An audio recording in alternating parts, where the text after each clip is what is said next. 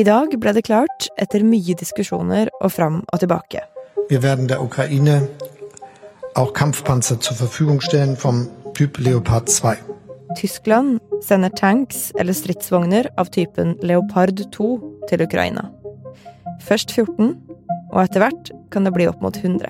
Es var richtig und es ist richtig. Det er det riktige å gjøre, mener forbundskansler Olaf Scholz. Og så, nesten med en gang, så kommer reaksjonen fra den russiske ambassaden i Berlin om at dette her var en ekstremt farlig avgjørelse, og at nå var det et nytt nivå av konfrontasjon. Hvorfor er akkurat disse tanksene så spesielle, og hva skjer egentlig nå? Det her er kort forklart onsdag ettermiddag 25. januar. Per Anders Johansen, journalist her i Aftenposten. Først, hva slags tanks er det her? Leopard 2 regnes for å være en av de beste stridsvognene i, i verden. Den ble utviklet av tyskerne nettopp for å stå imot sovjetiske stridsvogner i store panserslag på, på steppene østover, og den har svært kraftige kanoner, den har 1500 eh, hestekrefter som gjør at den kan kjøre i 75 km i timen, og den går på diesel som er lett å skaffe, men eh, først av alt så er det en stridsvogn det finnes veldig mye av i Vesten, der er det mange land som raskt kan forsyne ukrainerne med dette her, og det vil vi se nå nesten fra dag til dag, at flere land bidrar med leoparder.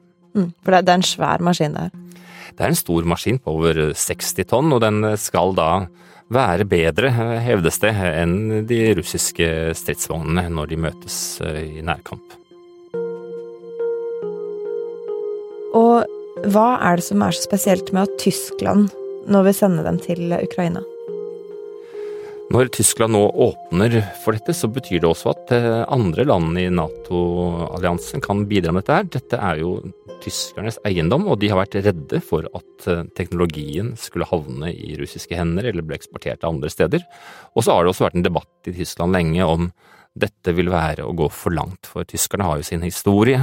Det er mange som husker eh, krigen, og, og derfor har tyskerne rett og slett tenkt seg lenge og grundig om før de nå åpnet for dette. Mm. Men da er altså, siden det var en tysk tank, så kunne de bestemme om noen andre fikk sende til Ukraina også, er det sånn?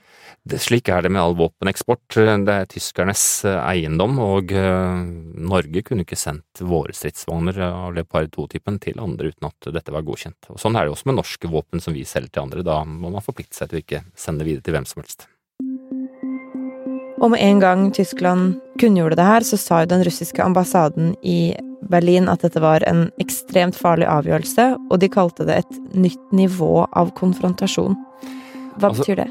Hele den siste uken før denne beslutningen nå ble tatt, så har vi jo sett det, vi som følger tett med på russiske medier, at atomretorikken kom tilbake. Det har vært eh, nesten daglige utspill i TV-kanalene hvor de minner om hvor man fra Kremls side minner om at de har atomvåpen og osv. Men dette er jo uh, først og fremst ment for å dels skremme befolkningen i vestlige land fra å gi støtte, og uh, Situasjonen er iallfall slik at uh, dette oppfattes som, uh, som, tomme trusler i Nato nå. Uh, det er ikke her man tror at den røde linjen for, for, Russland og Kreml går i forhold til bruk av atomvåpen. Dessuten har vi jo nå Vesten bidratt med veldig mye ulike typer hjelp, og også lettere, lettere militær, militært utstyr og vogner. Og, og dette har Russland bare måttet akseptere.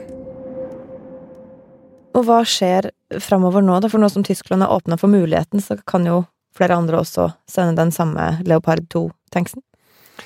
Ja, Storbritannia og Polen har jo allerede sagt at de skal sende stridsvogner, og eh, er, i tillegg så har det jo kommet meldinger om at uh, amerikanerne ville sende Abrahams stridsvogner, som er enda større og enda tyngre og for så vidt bedre enn leopardene, men de er, de er rett og slett eh, mye mer kompliserte.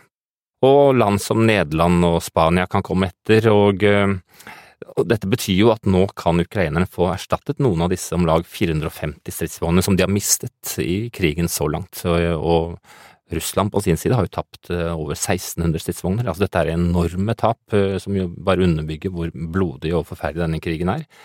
Og alle venter jo på hva som skal skje i løpet av neste månedene. Det kommer til å komme offensiver, det kommer til å komme nye store slag, og Ukraina har argumentert med at hvis ikke de får disse stridsvognene, så vil det være umulig for dem å frie større områder. Men eh, det gjenstår å se om det er riktig, for det er jo mange andre ting som kan påvirke hvordan disse ventede offensivene vil slå ut. Begge parter mangler jo ammunisjon. Eh, vi ser at kampene nå egentlig foregår nærmest mann mot mann i skyttergraver. Så det å tro at, skal vi si, at én stridsvogn er det som kommer til å endre krigen, det tror jeg kanskje er å strekke det for langt. Vi vet vel egentlig ikke hva som kommer til å skje. Mm. Kan Norge komme til å sende Leopard 2? Det går rykter om det jo nå. Har kommet eh, både lekkasjer og anonyme kilder som sier at Norge kan være villig til å gi noen av våre. Vi har jo ikke så veldig mange, om litt over 30, og det har vært snakk om at vi skal levere syv-åtte stykker. Men det gjenstår å se. Men eh, det er klart at beslutningen til Tyskland har åpnet opp for at nå kan veldig mange andre land gi det det samme, og det blir mye enklere for ukrainerne å få ganske like våpen. Det er lettere å utdanne nye folk, og det vil være lettere å vedlikeholde dem. Så dette er selvfølgelig et eh, militært viktig gjennomslag for Ukraina.